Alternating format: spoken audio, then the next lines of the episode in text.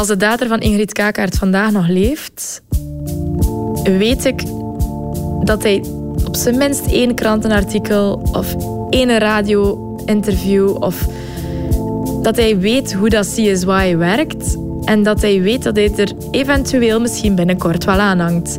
En daar ben ik mij ook enorm bewust van. Op zich wil ik geen daders aanspreken, want het is eigenlijk ook niet nodig. We hebben hem niet nodig. Aangezien dat hij toch in al die jaren nog altijd niet zijn daden heeft bekend, denk ik ook niet dat hij echt zo wel vrijwillig zou meedoen. Maar de boodschap dat zeker belangrijk is, is dat we vandaag zoveel meer kunnen met zijn DNA dan vroeger. En dat is natuurlijk iets om bang van te worden. Mijn naam is Maxlena van den Einde en je luistert naar de vijfde en laatste aflevering van De Zaak Ei. Een podcast van Radio 1 waarin ik op zoek ga naar de grenzen van wetenschap in moordonderzoek. Dr. Sophie Klaarhout zei het al. We kunnen vandaag veel meer met DNA dan vroeger. En dat is, alleszins voor daders, iets om bang van te worden. Qua misdaden oplossen met DNA, daar gebeuren mirakels. Maar momenteel is het wachten op de politiek om die mirakels mogelijk te maken. Ik denk dat het nieuwe wettelijk kader veel meer mogelijk zal maken. Maar of dat, dat dan uiteindelijk leidt tot de identificatie van de dader, dat kan ik niet beloven. Ik ben geen speurder, ik ben minister van Justitie. De vraag blijft dus, gaan we de moordenaar van Ingrid Kakaert nog vinden voor de verjaringstermijn verstreken is? Los van die verjaringstermijn, elke week of maand of jaar dat dat nog duurt, dat onderzoek, dat is veel te lang. Hè. En dus komt ook de vraag naar voren of een nationale DNA-databank, waar iedereen vanaf de geboorte in terechtkomt, een oplossing biedt voor cases als deze. Maar opnieuw, we beginnen bij het begin. Wat is een DNA-databank? Een databank kan je vergelijken met een gigantisch grote Excel-file waar allemaal letters en cijfers in staan. Die letters en cijfers vormen dan de DNA-profielen. Elk individu heeft een eigen DNA-code, maar niet iedereen zit in die DNA-databank uiteraard. Als dat wel het geval zou zijn, heeft ook iedereen een eigen uniek DNA-profiel. Ik zit opnieuw aan de keukentafel van Bieke van Hooijdonk, die de forensische DNA-databanken als geen ander kent. Soms wordt er gespeculeerd dat de ganse bevolking vanaf de geboorte in de DNA-databank zou moeten opgenomen worden. Ik zie jou al fronsen. Hoe sta jij hier tegenover? Ja, wij zijn er helemaal geen voorstander van. Van uh, elke ja, Belg, dan is er ook al een vraag, wat is de definitie van een Belg? Um, in de DNA-databank te steken. Hoe meer mensen je daarin steekt, hoe meer kans dat je hebt op een toevallige overeenkomst. In een forensische DNA-databank worden namelijk steeds DNA-profielen met elkaar vergeleken. Als er op een plaats delict een DNA-spoor wordt gevonden, wordt dat spoor vergeleken met alle profielen in de databank. Soms lijkt het dat twee sporen overeenkomen, maar als er dan meer in detail wordt gekeken, blijken die twee sporen niet exact hetzelfde te zijn. Dat is wat wij vals positieve overeenkomsten noemen. Wij zoeken naar een speld in een hooiberg. Wat ga je doen? Je gaat die vooral groter maken. Als je die hooiberg nog groter maakt, gaan wij heel moeilijk eruit kunnen halen wie is nu de echte donor waar we op zoek zijn. Hoe groter de hooiberg, hoe meer spelden er zullen lijken op de speld die we zoeken. En hoe meer onderzoek er nodig is om te controleren welke van al die overeenkomsten nu de juiste is. Die 100% match die we nodig hebben. En zo'n 100% match wil dan nog niet zeggen dat die persoon de dader is. Je weet dan enkel dat die persoon DNA achterliet op de plaats delict, maar het zegt niets over wanneer en hoe dat daar terecht kwam. Waarom ga je 10 miljoen personen in een databank steken? De meeste plegen nooit feiten. Dat is een ballast. Eigenlijk is dat gewoon een ballast in onze verwerking van de gegevens. En dat is absoluut niet noodzakelijk. Dus puur vanuit het wetenschappelijk-technisch oogpunt is dat voor ons niet, niet nodig. Voor nabestaanden voelt dat nogthans maar al te vaak als wel noodzakelijk. Dat geldt ook voor de ouders van Ingrid Kakaert. Ik vind het maar redelijkheid dat vanaf de geboorte van hedendaags dat iedereen zijn DNA afstaat. Als er iets gebeurt, weten ze direct waar naartoe voor te onderzoeken. En dat is heel, heel voornaam. Klinkt misschien grof en gruwelijk en voor, voor de mensen in kwestie. Maar ik verkies een maatschappij die als minpunt heeft dat er bepaalde feiten onopgelost blijven, boven een model waarin dat we de zekerheid hebben dat alles opgelost is. Zoals ik een rechtssysteem verkies waarin dat mogelijk een schuldige vrijuit laat gaan, dan dat er soms wel eens een onschuldige in, in, in hechtenis gaan. Dat is een feilbaar systeem en dat, dat zorgt in bepaalde concrete casussen voor een groot gevoel van onrechtvaardigheid. Maar het alternatief is slechter.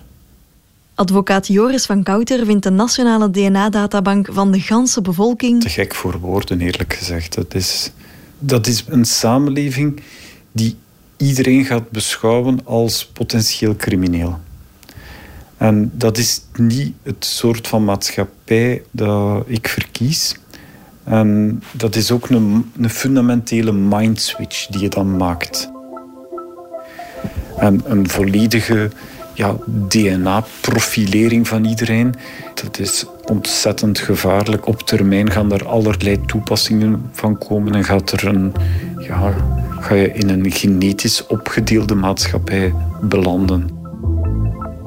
Hij vreest voor het ergste. Men kan bijvoorbeeld gaan beginnen denken van ja, we gaan de overheidsmiddelen nuttig besteden, want ze zijn schaars. En in die zin gaan we zorgen dat mensen met een bepaalde DNA-match dat die toegang krijgen tot best onderwijs. Want wat zouden we moeten gaan investeren in mensen waarvan dat we weten dat de kans toch procentueel veel kleiner is dat ze daar iets gaan mee doen? Volgens advocaat Joris van Kouter zal iedere DNA-wetgeving dus een balans moeten vinden tussen efficiëntie in een moordonderzoek enerzijds en het recht op privacy anderzijds. Daarvoor moeten we onszelf de vraag stellen: wat wil elke burger daarvoor geven aan de overheid? Die balansoefening is voor een ganse samenleving ongelooflijk lastig te maken. Zo ligt die grens voor advocaat Joris van Kouter bijvoorbeeld al compleet anders dan voor magistrate Céline Davé. En wat is er belangrijker, een mensenleven of de privacy? Ik, ik stel me altijd de vraag zo van die, die, die mensen die zo echt prat gaan op die privacy. Wat als het uw kind is morgen? Uw kind wordt vermoord op gruwelijke wijze. Sorry, privacy laat het niet toe dat we de dader kennen. Hoe voelt dat, denkt? Dat is toch verschrikkelijk. En dus ziet de magistraat geen probleem in het afstaan van haar DNA voor moordonderzoek. Integendeel. Wij hebben DNA professioneel nodig om misdrijven op te lossen. Dat is toch fantastisch als je daaraan kunt bijdragen. Als je ervoor kunt zorgen dat zaken die onopgelost zijn gebleven, dat je daardoor een, een doorbraak kunt creëren, dat moet toch fantastisch zijn. En dan zeg ik als mens en als procureur ook van, ah wel, pak mijn DNA pakt hem. Echt waar. En als het iemand uit die familie is die op die manier in de problemen brengt? Ja, dan is dat zo. Ja, dat, dan komt mijn professionele kant naar boven. En dan heb ik zoiets van, ja, ik heb nogal een zeer sterk rechtvaardigheidsgevoel. Sorry voor het familielid, maar ja, nee. Dus zoon, vader, partner. Ja, ja ik zou het ook willen weten. Strafpleiter Walter Dame gaat nog een stap verder.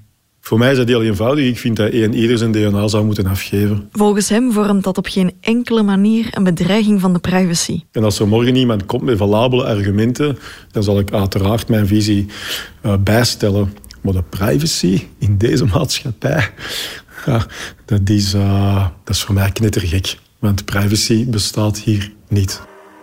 Degene die vandaag nog beweert dat hij nog enige vorm van privacy heeft, die moet oftewel als een kluizenaar ergens in een berghut gaan wonen of ergens diep in een rots gestoken. Maar er is geen privacy. Hè. Eender welke handeling die je stelt, wordt geregistreerd. Tenzij dat je in een onnoemelijk klein dorpje woont. Alles cash-out betalen zonder dat je gebruik maakt van de gsm. Uh, zonder internet, zonder iets. Dus dat is, dat is belachelijk. Meester Dame ziet er geen graten in. Volgens hem is privacy niet de uitdaging, maar wel de manier waarop je erover communiceert. Stel dat ik de vraag zou formuleren aan de mensen, ik zou zeggen van voilà, als je nu je DNA moet afgeven, Alex, en dat wordt een wet en iedereen wordt opgeslagen in een DNA-databank en daardoor gaan de moord op zes kleine kindjes opgelost krijgen. Zes kindjes tussen de twee en de vijf jaar. Het is niemand die gaat zeggen. Stel ik natuurlijk de vraag van uh, mevrouw of meneer, gaat u DNA moeten afgeven? En misschien over tien jaar komen er dan verzekeraars. En ik kan u niet beloven dat de wet dan terug wordt aangepast. Waardoor dat je eventueel je pensioen kunt verliezen. Eventueel niet meer verzekerd kunt geraken. Wat gaat je dan doen? Dan zegt iedereen nee. Dus het is de wijze waarop dat je het denkbeeld naar de mensen brengt. En daar schort het vaak dat men de ene partij zal het brengen op die manier om een ja te krijgen en de andere partij op die manier om een nee te krijgen. Het komt er eigenlijk op neer dat Walter Damen niet weet waarop we wachten, want ook het praktische aspect lijkt hem perfect haalbaar. Volgens mij is dat heel realistisch. Men kan daar vrij snel mee beginnen. Het zal natuurlijk een zekere tijd in beslag nemen. Maar men zou nu bij elke geboorte het al kunnen doen. En men zou stelselmatig leeftijdscategorieën kunnen inlopen. Als men ziet dat men met de COVID uh, toch ook heel realistisch elke Belg heeft kunnen oproepen om een, uh, een spaatje, zelfs twee te krijgen, zelfs een derde, ja, dan zie ik niet waarom het nu ook niet zou kunnen gebeuren. En diegenen die weigeren, ja, men zou dan moeten bekijken of het op een vrijwillige basis is of op een verplichte basis. Ik vroeg Walter Dame naar de haalbaarheid van dit plaatje omdat onze noorderburen hetzelfde overwogen. Maar de praktijk maakte daar al gauw duidelijk dat dat niet evident is. Dat vertelt geneticus Peter de Knijf, de man die in de zaak van Marianne Vaatstra kon aantonen dat de onbekende man iemand uit de omgeving moest zijn. Je ziet herhaaldelijk de roep om een nationale DNA-database. Maar ik zeg dan altijd, kijk maar naar Engeland. Daar zijn ze nu 25 jaar bezig met een nationale database daar zijn ze nog lang niet aan toe. Uh, om de dood eenvoudige redenen. In een land als Nederland worden jaarlijks tussen de 170.000 en de 200.000 baby's geboren. In België ligt dat gemiddelde wat lager, rond de 115.000 baby's per jaar. Uh, nou, er overlijden ongeveer net zoveel mensen. Maar ja, die nieuwe, die nieuwe burgers moet je dan in de database stoppen. Nou, het is al een enorme klus om enkele tienduizenden personen in een database te stoppen, jaarlijks. Dus dat ga je gewoon niet redden. Technisch is dat gewoon niet mogelijk. En dan hebben we het nog niet eens gehad over toerisme. Vliegveld Brussel of uh, Amsterdam Schiphol. Er komen ongeveer net zoveel mensen op die vliegvelden binnen als dat er in zo'n land wonen. Moet je die dan ongemoeid laten? Of mogen die pas binnen met een profiel? Dat ga je echt niet lukken. Dat is, is zo dom. Dus je kunt je beter focussen op de mensen die, waarvan je weet dat ze een misdrijf hebben gepleegd. Waarvan je kunt veronderstellen dat de kans vrij groot is dat ze nog een keer een misdrijf plegen. Dat, ik noem dat het effectief inzetten van schaarse middelen. Ik denk dat dat veel verstandiger is. Veel misdrijven zijn impulsmisdrijven. En zo'n persoon vraagt zich heus niet af van... oh, ik zit al in de database, dus ik doe het niet gaat gewoon niet werken. Misschien vind je hem wat eerder. Maar dan moet je wel ook van iedereen voortdurend weten waar hij of zij zich bevindt. Nou, ja, tenzij je een situatie als een land als China wil hebben, waarin dat effectief, denk ik, gaat lukken. Dat gaat hier niet werken. Dus het is gewoon heel naïef. Kun je veel beter slimmer zijn en gewoon pragmatisch blijven. Op dit moment zijn de voornaamste hindernissen de praktische haalbaarheid en de privacy. Maar dat laatste is volgens advocaat Walter Dame dan weer een hol excuus. Ik zoek het uit met privacy-expert Bavo van den Heuvel. Hoe zou jij het begrip privacy definiëren? Je hebt metadata, gegevens die je zelf beschrijft. Bijvoorbeeld, ik ben Bavo van den Heuvel, ik heb een rijkshistorie, ik heb een gezinssituatie, ik woon ergens, ik heb een politieke overtuiging, een religieuze overtuiging, ik heb een bepaald inkomen, bepaalde bedrijven, enzovoort enzovoort. Dat zijn gegevens die ik niet zomaar met iedereen moet delen. Ik kan kiezen aan u om, om te vertellen wat ik wil, maar ik moet dat in principe niet delen. Nu, er zijn gevallen, bijvoorbeeld je begint ergens te werken, ja, uw baas zal uw rijkshistorie moeten weten om te voldoen aan de sociale zekerheidsverplichtingen. En dus privacy gaat erover dat er eigenlijk, wanneer dat die gegevens, die metagegevens over u zullen gebruikt worden, ja, dat dat maar kan onder vrij strikte voorwaarden. Waar komt de privacy dan specifiek in gedrang als het gaat over groot verwantschapsonderzoek? Uw DNA is ja, dat van uw mama de helft en dat van uw papa de helft. Hè. Dus het risico hè, zit in het feit dat jij door uw DNA te geven ook deel, deeltjes van DNA van anderen geeft. Hè. Stel dat u een man bent, dan gaat u natuurlijk met de Y-chromosoom ook van uw mannelijke afstammelingen in, in naar boven en in de breedte gaan. Hè. Met dat risico had de man uit Groot-Brittannië geen rekening gehouden. De Brit verkrachtte en vermoordde in 1983 de 16-jarige Colette Aram. Hij wist jarenlang uit de forensische DNA-databanken te blijven. He could not control any of his relatives getting onto the database. 26 jaar later strooit zijn zoon zonder enig besef roet in het eten. The turning point in this case comes when Hutchinson's son, John Paul, is pulled over for a speeding offence and arrested. De zoon werd aangehouden voor een snelheidsovertreding en moest daarom zijn DNA afgeven, want zo gaat dat in het Verenigd Koninkrijk. Nadat zijn profiel door de DNA-databank werd gehaald, komt er onverwachts een match uit. Geen 100% match, maar een bijna match. De onderzoekers schakelen over op eikromosomaal onderzoek en kunnen zo de mannelijke familielijn van de snelheidsduivel onderzoeken. Dat leidt hen naar de vader, Paul Hutchinson.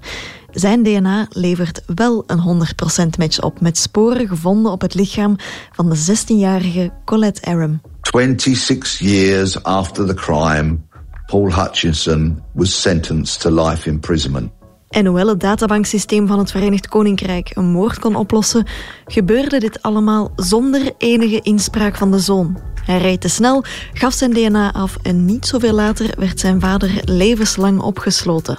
Bavo van den Heuvel ziet geen nut in een nationale DNA-databank waar je door een snelheidsovertreding in terechtkomt. Of, waar we het in het begin al over hadden, een databank waar elke Belg in opgeslagen wordt bij de geboorte. Als je de, de cijfers zou opvragen bij criminologen, hoeveel mensen zitten er in gevangenis, hoeveel mensen zitten er met een elektronische enkelband, ja, dat is maar, maar minder dan een procent van de bevolking. Hè?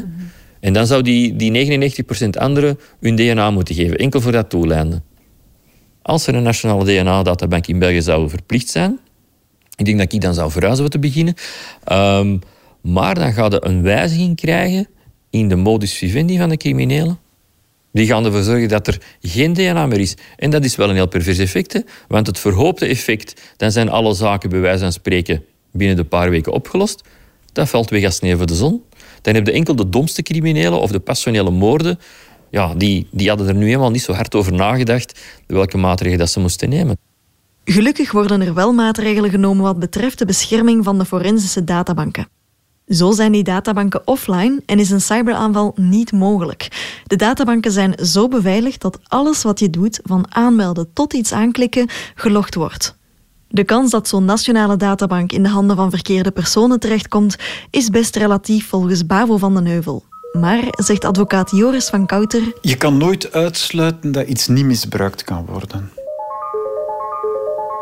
Advocaat Joris van Kouter blikt vooruit. Want heb ik er au fond vandaag een probleem mee om aan deze overheid zaken prijs te geven onder bepaalde voorwaarden niet direct. Maar ik weet niet hoe dat die er binnen 10 of 20 jaar gaat, gaat uitzien. En dat is problematisch. En het klassieke voorbeeld daarbij is dat de, de efficiëntie van de Jodenvervolging tijdens de Tweede Wereldoorlog was het grootst in Nederland. Al van voor de Tweede Wereldoorlog hield Nederland heel nauwkeurig informatie bij van zijn inwoners. Persoonsgebonden informatie zoals naam, adres en religie. Dus eigenlijk had Nederland de beste administratie. Op het ogenblik dat in Nederland ingevoerd werd dat men al die gegevens, ook die religieuze gegevens, ging vermelden in de bevolkingslijsten, was dat natuurlijk niet mijn misdadig opzet. En was dat volstrekt legitiem en was, dat, ja, was daar aan zich geen probleem mee. Maar dat kan veranderen. En zo geschiet. Als die administratie dan in handen valt van een misdadig regime, ja, is het wel heel eenvoudig om te gaan ja, in dit geval selecteren welke burgers eruit getrokken moeten worden. Het is wel belangrijk om te weten, wij zitten hier niet in een totalitair regime in België, gelukkig niet. Um, het is de, de, de rechterlijke macht en de wetgevende macht en zo, dat zijn allemaal dat is apart in België. Dat is al, al een tijd zo. Um, dus als er een nieuwe, nieuwe mensen aan de macht komen, dan gaat dat niet zomaar zeggen, of dat is niet mogelijk om te zeggen van, sorry, we gaan die wet wijzigen. Een wet wijzigen kan niet zomaar in België. Kijk maar naar de nieuwe DNA-wet die nu op tafel ligt. Dat kan soms vervelend zijn dat dat allemaal zo lang duurt, maar het is ook een controlesysteem om misbruik tegen te gaan. Zo zal een nieuwe DNA-wet ook altijd langs de privacycommissie passeren. En die gaan kijken, zijn er hier voldoende garanties ingebouwd voor de privacy? Dat geldt alleszins voor België. In Amerika gaat het er compleet anders aan toe.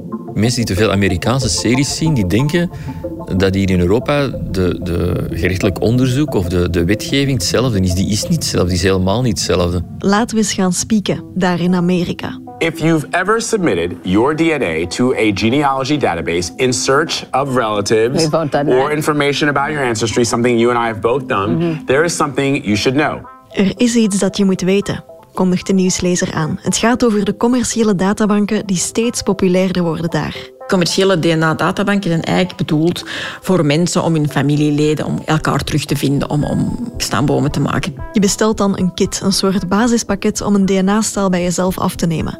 Dat stuur je op naar zo'n commerciële databank en voilà, enkele weken later krijg je informatie over jouw etniciteit, mensen met wie je mogelijk verwant bent, noem maar op. In certain cases, your DNA profile may be accessed by law enforcement to help track down criminals. I didn't know that. Yep, that is exactly what happened in a murder investigation. Steeds vaker worden die commerciële databanken ingezet in moordonderzoek, op zoek naar familieleden van de dader.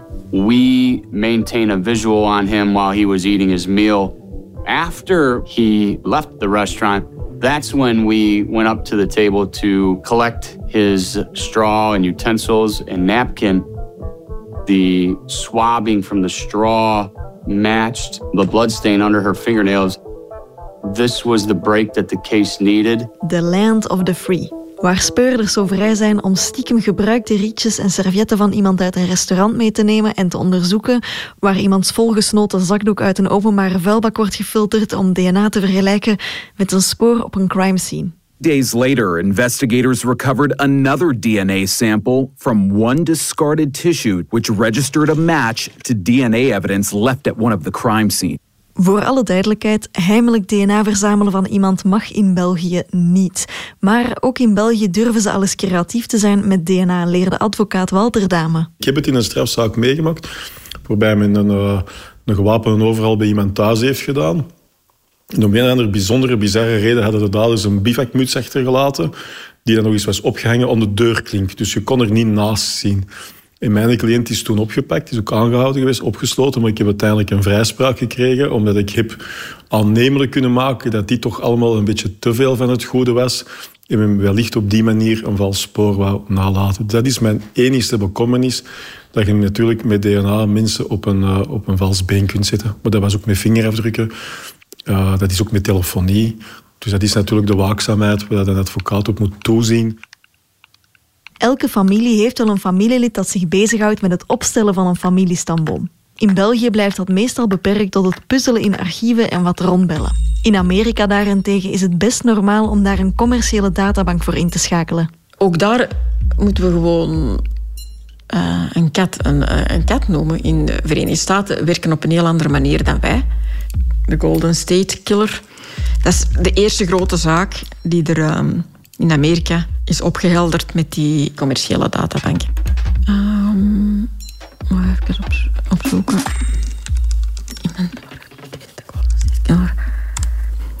De Golden State Killer, dat is eigenlijk een persoon die tussen de jaren 1974 en 1986 in Californië tientallen moorden heeft gepleegd. 13 moorden, 51 verkrachtingen en 120 inbraken.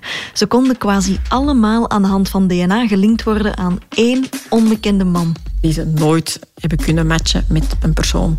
Dus daar is jaren onderzoek op gedaan. Nooit iemand um, die naar voren is gekomen als, als zijnde de donor van dat spoor. Nooit een hit in de Nationale Forensische Databank. Dus de politie wordt inventief. Naast de officiële gerechtelijke databanken zijn er in Amerika dus die commerciële databanken op het internet. Dus wat hebben ze gedaan? In principe, die commerciële databanken hebben, hadden niet als doel om natuurlijk in een forensisch DNA-onderzoek of in een gerechtelijk onderzoek gebruikt te worden. Dat was gewoon um, voor, voor amateur-genealogen, laat ons zeggen.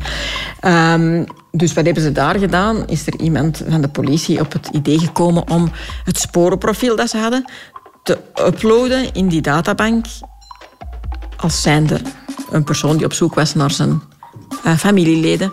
En zo zijn ze uitgekomen bij een aantal verre, verre, verre familieleden van, van de donor van dat spoor. Wat volgt is een heel uitgebreid stamboomonderzoek om de juiste naam aan het spoor te kunnen koppelen. Ik denk duizenden uren werk was dat, om dan te kunnen komen tot die ene persoon. For decades, police say they now have the Golden State Killer in custody. And they use DNA testing to find him. So many families are relieved this morning. De man wordt in 2020, 46 jaar na zijn eerste feit, veroordeeld tot levenslang.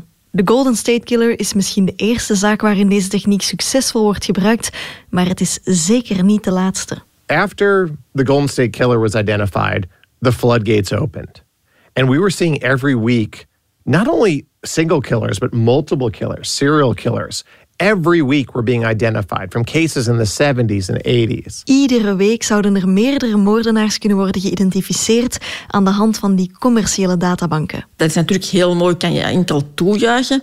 Maar als je naar die zaak gaat kijken, blijkt dat eigenlijk de broer van die persoon eigenlijk al heel lang geleden veroordeeld is geweest voor een zware feit. Dat hij eigenlijk al heel lang in de DNA-databank had moeten zitten in Amerika. Maar door de backlog die er is in de Verenigde Staten met het uploaden van DNA-profielen van veroordeelden, is hij er nooit in gekomen op het moment dat ze aan het zoeken waren naar een verwant.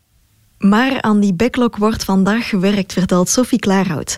Zij gaat ver voor haar onderzoek, letterlijk, want ik spreek haar vanuit Washington. Het is hier eigenlijk echt fantastisch. Ik heb hier heel veel uh, nieuwe mensen ontmoet, heel interessante mensen, van, van ja, het hoofd van uh, de FBI tot, uh, tot ja, de persoon die, die achter de DNA-databanken zit. Um, het is wel echt een eye-opener. En hier investeren ze ook heel veel in ja, forensisch onderzoek. Ze krijgen dus geld van de overheid om tegen 2025 geen backlog meer te hebben. Er wordt geïnvesteerd in DNA-onderzoek voor zware feiten. En dat is nodig ook. Sinds dat ik hier ben, zijn er al een stuk of twintig mensen vermoord in mijn eigen stad. Dus uh, je kunt je dat niet inbeelden. Allee, en dat, gaat, dat zijn, soms zijn dat gewoon random moorden. Hè. Dus uh, onlangs is er gewoon een vrouw doodgeschoten, een zwangere vrouw in haar auto. Gewoon omdat ze reed in, uh, in stad. En dat was op klaarlichte dag. Die criminaliteit is echt, dat is hier echt een dagelijks ding. Mensen kijken daar dus niet meer van op. Als bijvoorbeeld, er is hier ook onlangs iemand vermoord, nog geen ja, vier blokken verder. En dat stond niet in de krant. Ik heb dat gewoon via Twitter vernomen. Mensen babbelden er zelf niet over. Er was gewoon iemand vermoord. Ja, kijk. Kan gebeuren, hè. Ja, andere manier van leven. ik heb eigenlijk al zeker twee keer voor mijn leven gevreesd hier. Dus dat, dat maakt ook wel dat je een andere kijk hebt op Amerika. The land of the free noemen ze het. Maar ja, wij komen hier eigenlijk niet buiten als het donker is. Of proberen dat toch echt te vermijden. Maar dat heeft dan ook weer een keerzijde. Ja, het, is, het is, moet wel zijn, het is hier wel het paradijs als, als in voor forensisch onderzoekers. Mocht hier heel veel ja, de privacy-experten zullen waarschijnlijk zeggen: Oh, Amerika, uh, ze denken hier niet na. En dat is ook effectief zo. Ze, ze doen en, en denken dan pas. Ik heb mijn visie wel verbreed, als in zo is het ook mogelijk. Maar mijn eigen normen en waarden blijven nog altijd veel dichter bij onze normen, bij, bij de Belgische normen omdat ik ook wel gemerkt heb dat, dat er hier wel een heel grote angst is naar de politie toe. Angst is naar het systeem. Angst voor misbruik en voor wat ze ermee gaan doen. Onze privacy is een gevoelig topic, dat is duidelijk.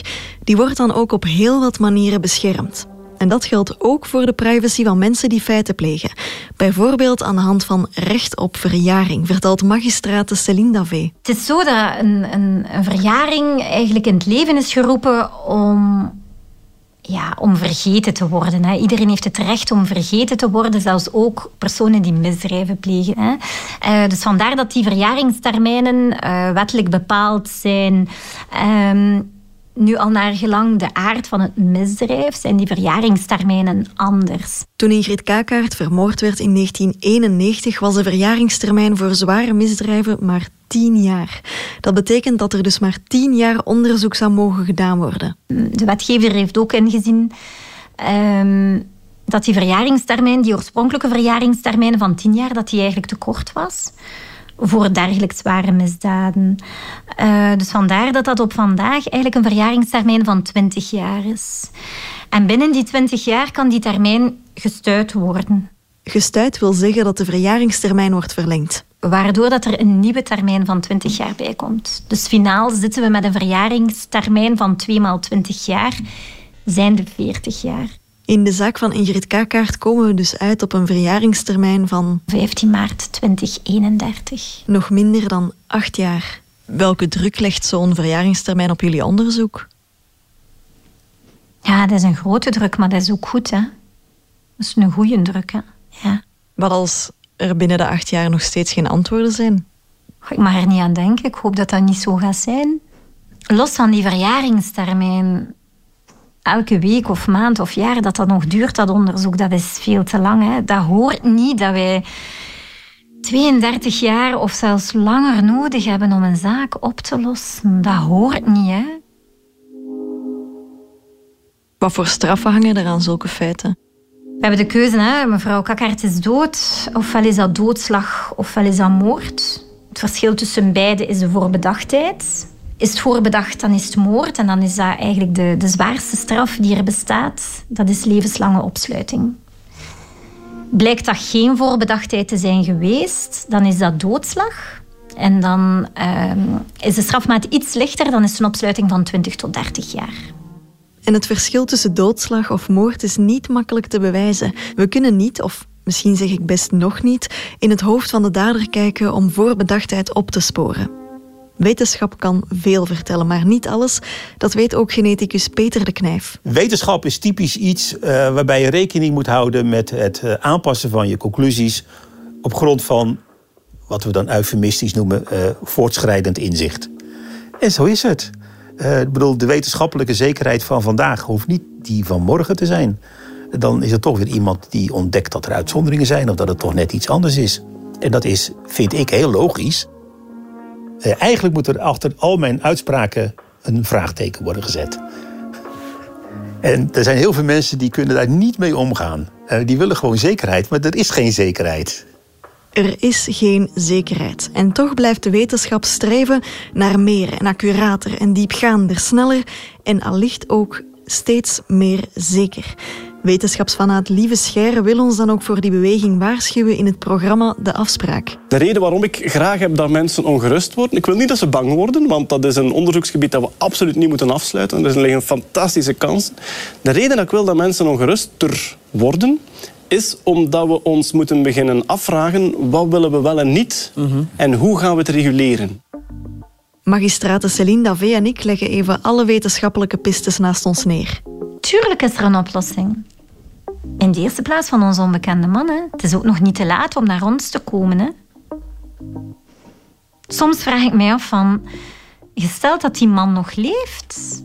Die moet toch al 32 jaar lang met een ongelooflijk geheim leven. Dat moet toch quasi onmenselijk zijn om zo door het leven te gaan. Gesteld dat, dat we hem eigenlijk ogenblikkelijk hadden gevonden. En die man was al berecht en die was al terug vrij. Nu zit hij nog altijd gevangen in zijn geheim. Vanuit menselijk standpunt lijkt me dat verschrikkelijk. Oh, elke deurbel, elke telefoon. Is het de postbode of is het de politie? Oh, verschrikkelijk zijn. Moet ook voor hem verschrikkelijk zijn. Dat is de eerste straf. Zware straf, toch? Daar zijn de ouders van Ingrid Kakaert het volledig mee eens. Als het uitkomt, zijn we content. Als de mensen kunnen zeggen, dat is de moordenaar. En dat is voldoende. Dat is voldoende. Meer moet je niet hebben. Ingrid komt niet terug.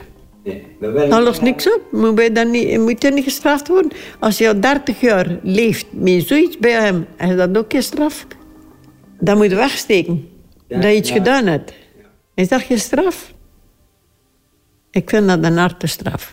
Dat er niet kunt mee buiten komen. Je bedoelt dat hij al 30 jaar Ja. dat geheim alleen moet dragen. Absoluut. Ik vind dat bewonderenswaardig dat je daaraan kan denken. Ja, we hebben dat altijd gezegd. Dus voor ons moet je hem niet binnensteken. Denk je dat als het bekend wordt, als de dader gepakt wordt, dat je dan rust vindt en denkt: oké, mijn leven is voltooid? Of mag ik dat niet veronderstellen? Dan gaat de miserie beginnen voor ons. Toch kijk je er naar uit Ja. om het te weten. Absoluut. We willen weten waar reden dat er werkelijk is. We, hebben, we weten niks. Er is geen enkel spoorken die iets kunt zeggen. Alles is onderzocht.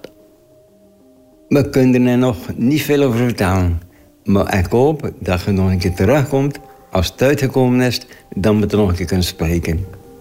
Maar luistert goed, hè? Zullen we dat afspreken? Ja, oké. Ja? Dat zou ik wel goed vinden.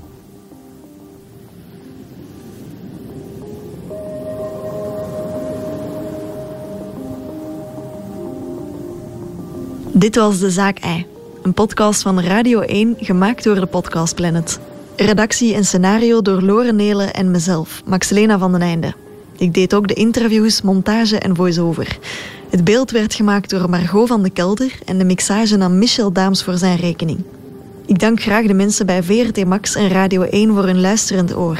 En natuurlijk een grote dank aan Sophie Klaarhout en Bieke van Hooijdonk om ons onder te dompelen in de wereld van forensische genetica.